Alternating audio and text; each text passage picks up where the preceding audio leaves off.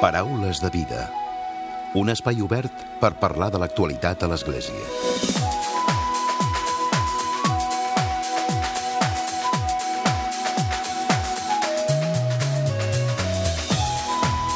Què tal? Salutacions i molt bon dia, molt bon diumenge. El proper 3 d'octubre, és a dir, el proper dimecres, es compliran 10 anys de la mort del bisbe Joan Carrera, capellà i bisbe auxiliar de Barcelona. Va ser, de fet, una figura molt estimada i molt valorada tant dins l'Església com també pel conjunt de la societat. Ho hem dit des del Paraules de Vida en altres ocasions. Ell va exercir el ministeri en parròquies marcadament obreres i va ser també impulsor d'iniciatives per la defensa de la democràcia i dels drets de Catalunya. Amb motiu d'aquest desè aniversari, el Memorial Bisbe Joan Carrera, una entitat que es va crear l'any 2012 per difondre la seva memòria, ha organitzat diversos actes que ja van començar el passat dijous, el dia 27 de setembre, amb un homenatge al Seminari Conciliar de Barcelona que va estar presidit pel cardenal Lluís Martínez Sistac. Avui en parlarem de tot plegat i dels actes que encara s'han de fer i ho farem amb en Jordi Breu, que és el president del Memorial Bisbe Joan Carrera.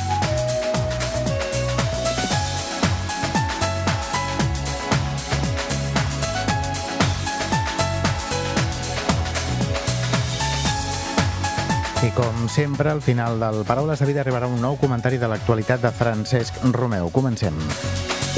Paraules de vida. Jordi, bon dia i benvingut. Molt bon dia. De fet, ja fa uns quants mesos que vas venir, fa, fa poquet, uh Mhm. -huh. per parlar també de, del bisbe Joan Carrera i de les diverses activitats que feu.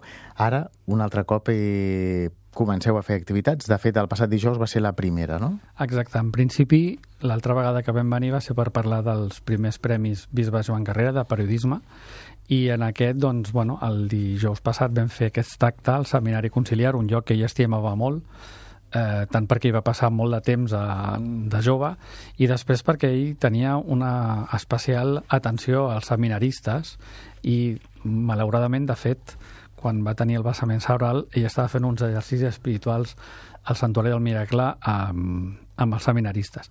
I allà, doncs, bueno, ens hem trobat amb gent que el coneixia, hem volgut eh, que persones que molt ens expliquessin la seva vivència personal, més que grans explicacions i tal, doncs buscàvem gent que ha viscut i ha tingut moments eh, de, de vida, de vivència personal amb ell.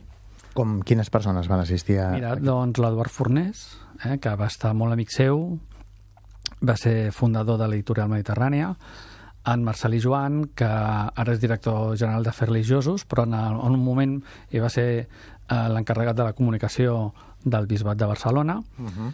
Eh, també ens parla una persona molt lligada amb ell, ara és el seu marmesó, però ell eh, va ser mossèn Felip Juli, actual rector del seminari, que van compartir a la parròquia de Sant Isidre el mossèn Joan Carrera, era el rector i mossèn Felip Juli va ser el, el vicari durant un temps i després va ser el rector i el cardenal Lluís Martínez Sistac doncs, que ja es coneixien de molt petitets, molt joves, uh -huh. i després van anar fent. I també, me'l descuidava, en Joan Enric Vives, l'actual...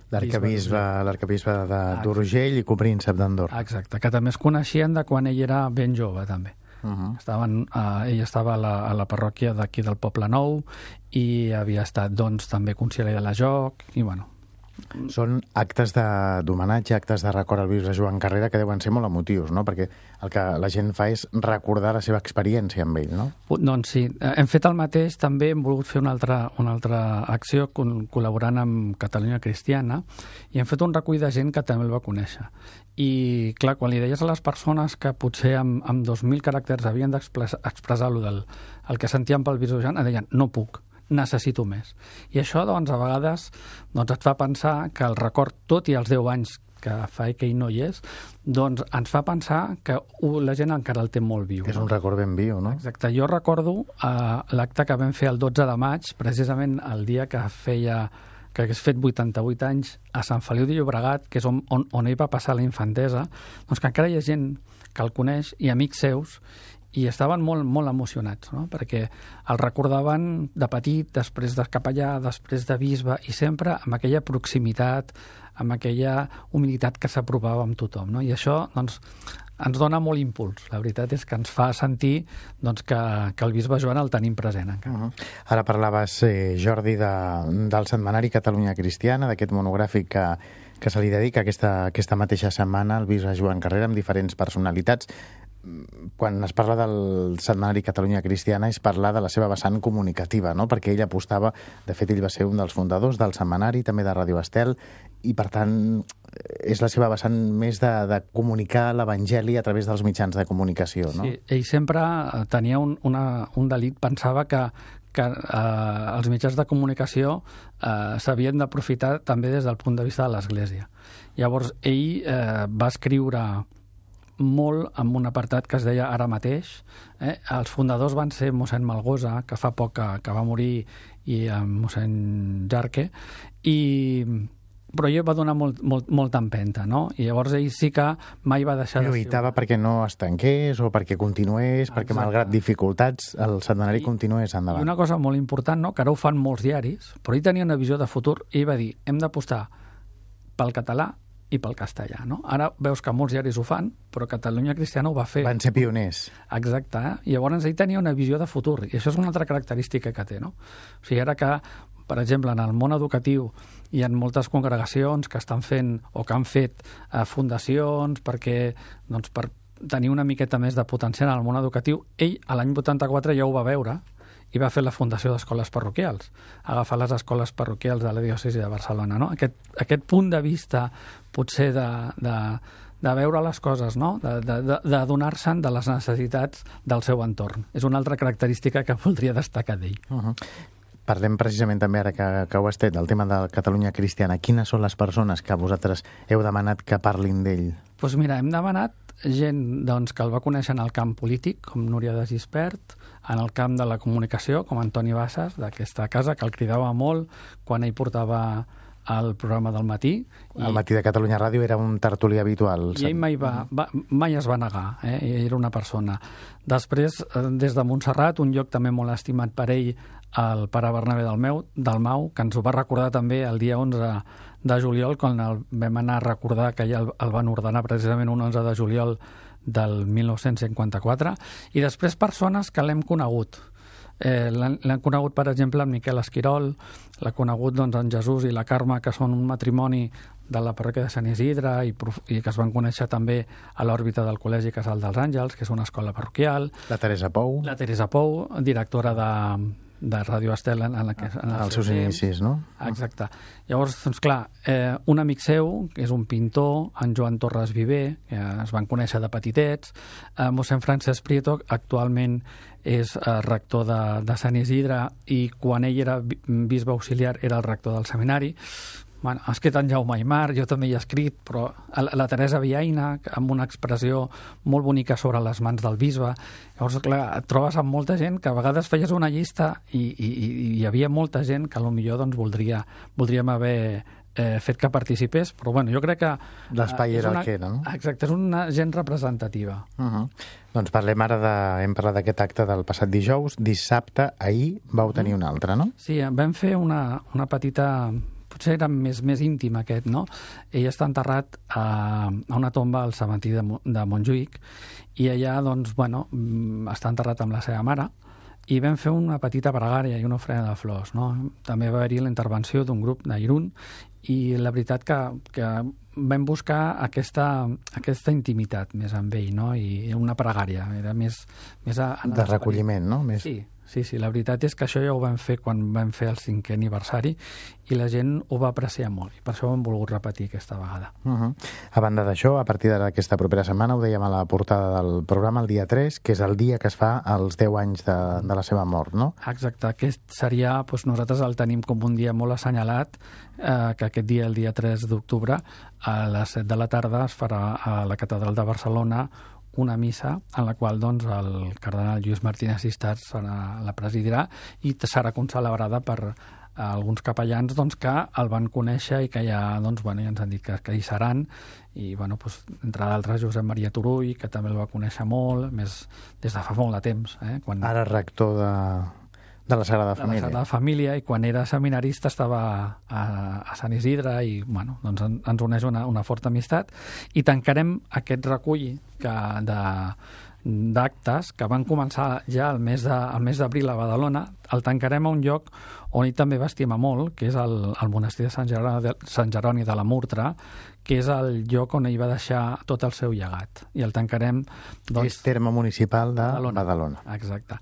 Llavors allà deixarem, farem una, una lectura de textos del llibre eh, Joan Carrera, un bisbe del poble, que va escriure en Francesc Teruel i en Joaquim Ferrer, i actuarà doncs, la coral badalonense. Farem un acte de, doncs, de cluenda d'aquests 10 anys, però una cluenda entre cometes, no volem que s'acabi aquí, sinó d'alguna manera doncs, que tots aquests seguits d'actes que hem buscat eh, anar a cada lloc on ell va fer la seva tasca pastoral, Barcelona, Hospitalet, Heu buscat Badalona. les dates i els llocs, no? Correcte. Eh? I això, que a vegades la gent ens deia, ui, tantes? Doncs et puc dir que ens ho han agraït molt. Sí? Perquè... I la gent ha respost, no? Majoritàriament sí, a tot. Sí, sí, sí. La veritat és que vam fer aquesta lectura a Badalona i va respondre molta gent. Vam fer aquest acte a Sant Feliu i va respondre molta gent. I això doncs bé, eh, ha fet que, que allà on vagis ah, hi ha un record especial d'ell, no? i això ens impulsa ens, ens dona energies per continuar treballant. Uh -huh, per anar fent coses, no? Com, per exemple, deies la sortida l'11 de juliol, que és un dia també especial, que sí, va ser quan va sí, ser... Sí, aquí ens van ajudar al Club Més Amics de, de Catalunya Cristiana i vam pujar amb una romeria i vam anar allà. I el pare Bernabé del Mau ens va parlar, perquè jo recordava que era un escolanet, amb 10 anys, i ens va parlar de la seva vivència realment molt emotiva d'aquells moments en què recordava doncs, que no només el bisbe Joan es, el, van, el van ordenar sacerdot, sinó la gran quantitat que en aquell moment de gent que es va, que es va ordenar. Uh -huh. Suposo que és important també destacar la, la feina que, que vosaltres aplegueu, que feu des del memorial, no? Perquè potser tot i que ell era una persona coneguda i una persona important, eh, el fet de, doncs, de, de que hi sigui, que existeixi aquest memorial, fa que es puguin vehicular i que es puguin dur a terme, no? Sí, això Totes és el, les activitats. Això és el que intentem, no? Perquè realment ell, ell, ell va crear moltes, moltes entitats i va deixar molta empenta a tot arreu, no? O sigui, va, va ser el, el creador del grup Sant Jordi, com et deia abans, de la, de la Fundació d'Escoles Parroquials, eh, d'una fundació que es diu Santa Eulàlia, que està a l'Hospitalet, que té gent gran, és a dir, que estava... Va deixar la seva empenta tot en el arreu. món literari, en el món de la comunicació, i clar, doncs que d'alguna manera nosaltres eh, iniciem i tirem endavant algunes accions, doncs veus que de seguida tots aquests grups eh, ens responen positiu. I volen participar, no? Sí, sí, la veritat és que potser algun grup doncs, fa algun acte, però realment doncs, veus que, que sí, que s'hi avenen, no? i això doncs, eh, també ens fa una mica... I, evidentment, em deixava la família, una família del bisbe Joan reduïda, però que la tenim sempre al, al, al nostre costat, no? alentant-nos i dient moltes gràcies. No? I nosaltres el que fem és recollir una mica tot això. No? I és molt curiós que allà quan vas hi ha molta gent que t'està explicant aquella anècdota, aquell moment que va viure amb ell, aquella situació, aquell record que té. No? I això doncs, eh, ens fa pensar que millor d'aquí un temps fem una altra cosa, no? Jo, ara, ara em venia, mentre estàs explicant això, em venia al cap el fet de, no sé si, si de totes les trobades, els actes que esteu fent, del que compartiu, si tot això quedarà, quedarà per escrit o quedarà per poder fer en el futur, com per exemple amb el Setmanari Catalunya Cristiana, sí perquè està escrit, no? De fer un recopilatori o fer des del memorial algun document, doncs això, eh, físic, perquè sí, quedi en sí, el llegat d'ell. Exacte, de fet ja en el cinquè aniversari es va editar aquest llibre, que malauradament doncs, tant el Francesc com el, el Joaquim doncs, ja, ja no hi són, ens van, són morts, però sí que eh, això que et deia, no? totes aquestes explicacions que la gent, tot això que la gent ens va explicant, doncs sí que hi ha una voluntat de recollir-ho i potser més que grans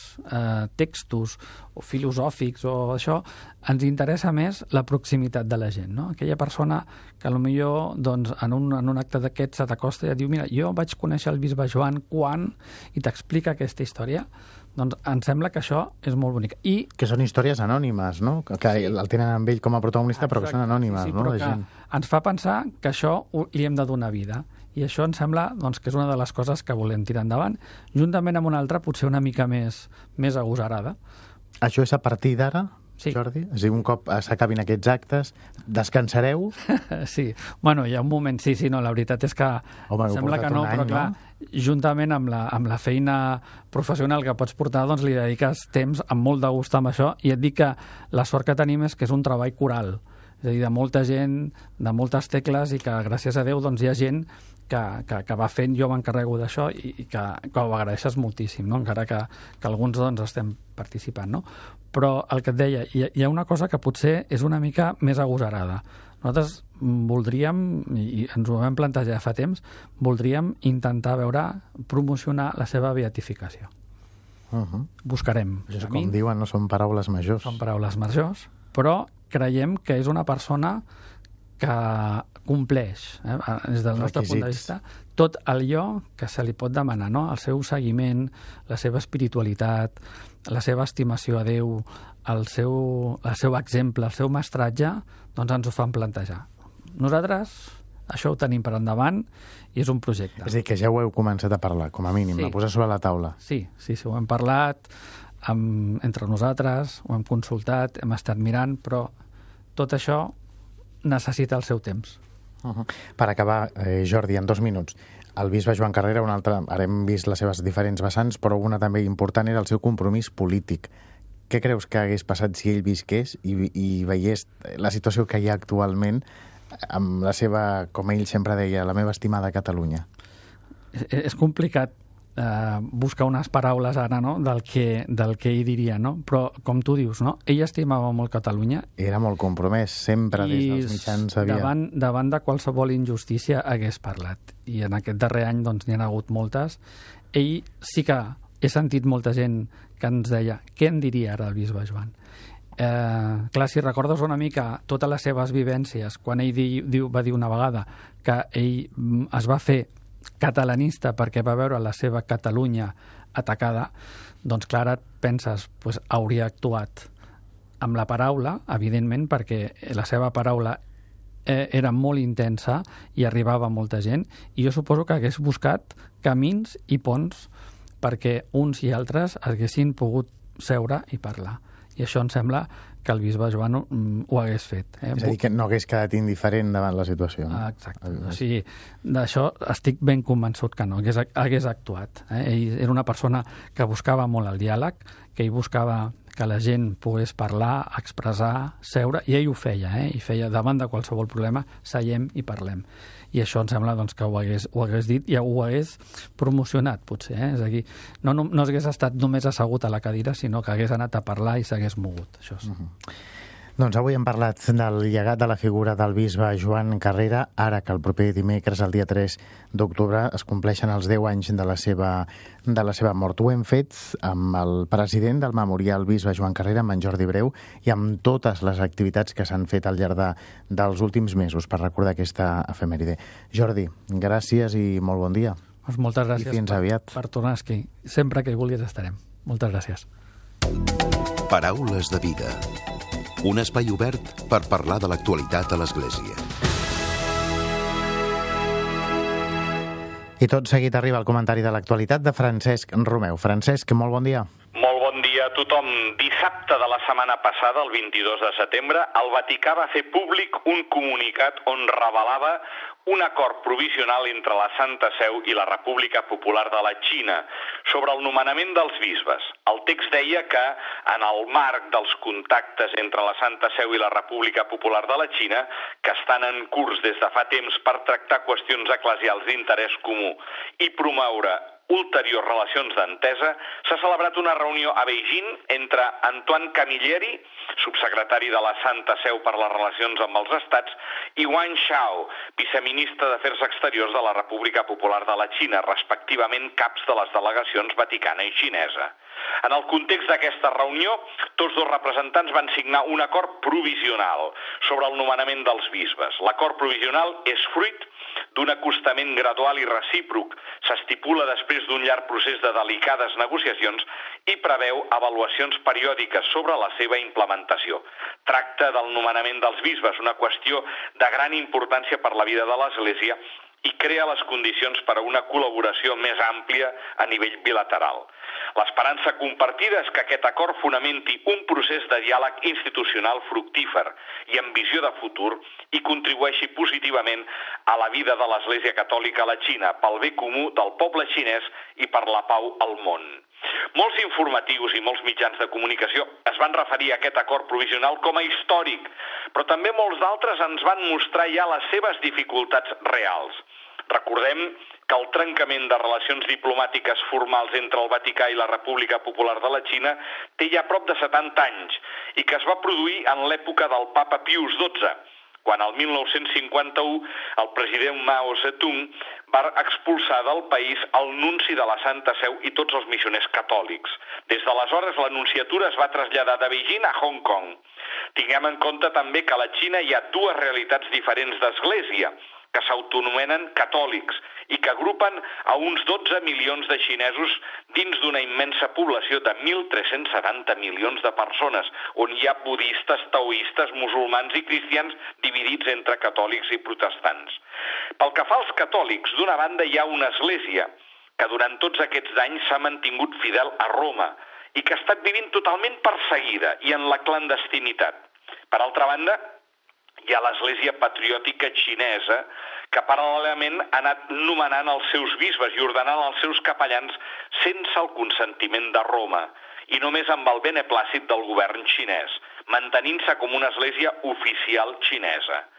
Ara, segons aquest acord provisional, el Vaticà reconeixeria a vuit d'aquests bisbes ordenats sense el consentiment del papa. Són set que encara estan en actiu i un vuitè que va morir l'any passat. Per, però tot això, segons hem pogut veure, ha deixat insatisfet a totes dues bandes. Per una part, el més durament crític ha estat el bisbe emèrit de Hong Kong, el cardenal Joseph Zen Zekiu, que ha acusat el papa d'haver comès una alta traïció contra l'Església que ha estat tants anys perseguida i patint en la clandestinitat. Aquest cardenal ja havia dit el gener passat que el Vaticà s'està venent l'Església Catòlica a la Xina. Per altra part, hi ha també l'Associació Patriòtica Catòlica Xinesa i el Consell de Bisbes de l'Església de la Xina, dos organismes no reconeguts pel Vaticà, i que van assenyalar que la seva església, el país asiàtic, continuarà funcionant de manera independent de Roma, mantenint-se en el camí que condueix a la societat socialista. Tot fa pensar, doncs, que el Vaticà ho tindrà molt difícil i que aquesta nova situació no serà tan fàcil i senzilla com es va produir amb la represa de relacions amb Cuba.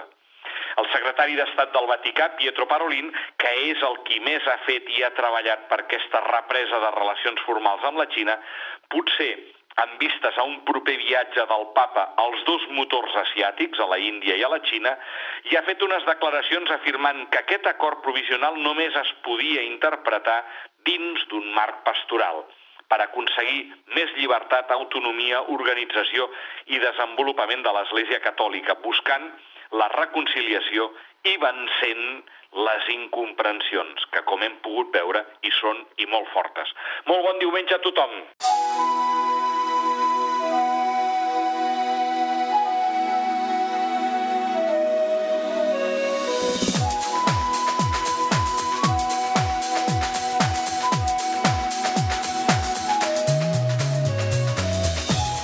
Aquí el Paraules de Vida d'aquesta setmana. L'Eduard Nas ha estat el control tècnic i qui us ha parlat, l'Emili Pacheco. Que passeu bon diumenge i molt bona setmana.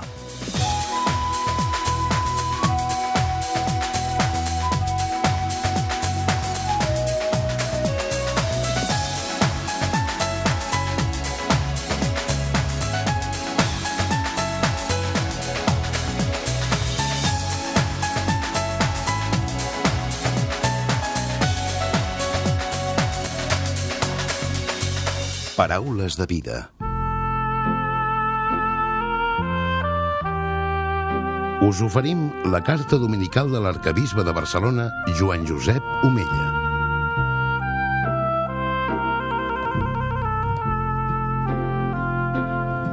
Déu vos guard. Aquest dimecres 3 d'octubre i fins al 28 es reuneix al Vaticà el Sínode dels Bisbes en el qual m'ha convidat a participar el papa Francesc com a membre. Aquesta assemblea té com a títol Els joves, la fe i el discerniment vocacional. La convocatòria d'aquesta trobada mostra que el Sant Pare confia en els joves i que hi té posada una gran esperança. L'atenció, la pregària i la reflexió de l'Església estaran posades en vosaltres, els joves, amb el desig de comprendre i sobretot d'acollir el do preciós que representeu per a Déu, per a l'Església i per al món. A Barcelona també volem donar-los un lloc primordial en la nostra missió evangelitzadora. Per això, el tercer eix del nostre pla pastoral els està dedicat. En les respostes a la consulta prèvia que van permetre elaborar el document diocesà, ens constatava una gran preocupació pels joves. La societat consumista i economicista els embolcalla de valors espuris, d'una teranyina que els atrapa i els impedeix avançar i albirar un futur esperançador. Els allunya de la proposta que Jesús els ha regalat. Ens trobem, doncs, davant un repte pastoral de primera magnitud.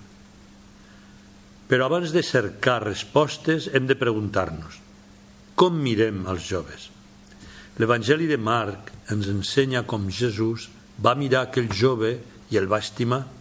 Li va fer una proposta plena de sentit, exigent i encoratjadora. Vine, segueix-me.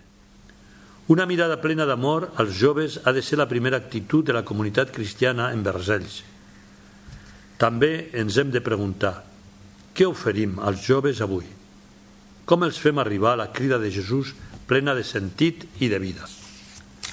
L'escolta activa és un aspecte fonamental en la tasca pastoral amb aquest col·lectiu. El document de treball del proper sínode, fet públic el passat 19 de juny, ha estat elaborat a partir de les respostes de 100.000 nois i noies d'arreu del món, els quals van expressar les seves inquietuds en un qüestionari en línia que va permetre prendre de pol el pols a les alegries i les dificultats dels joves d'avui. Ells, encara que de vegades no en siguin conscients, també necessiten la trobada personal amb Jesucrist. La pastoral amb els joves requereix imaginació, creativitat i temps. Cal dedicar-los temps per poder-los conèixer i atendre les seves necessitats. Benvolguts germans, demanem que l'Esperit Sant impulsi el treball del proper sínode dels bisbes i aviat puguem veure'n els fruits. Ells són el nostre futur però ens necessiten ara en el moment present.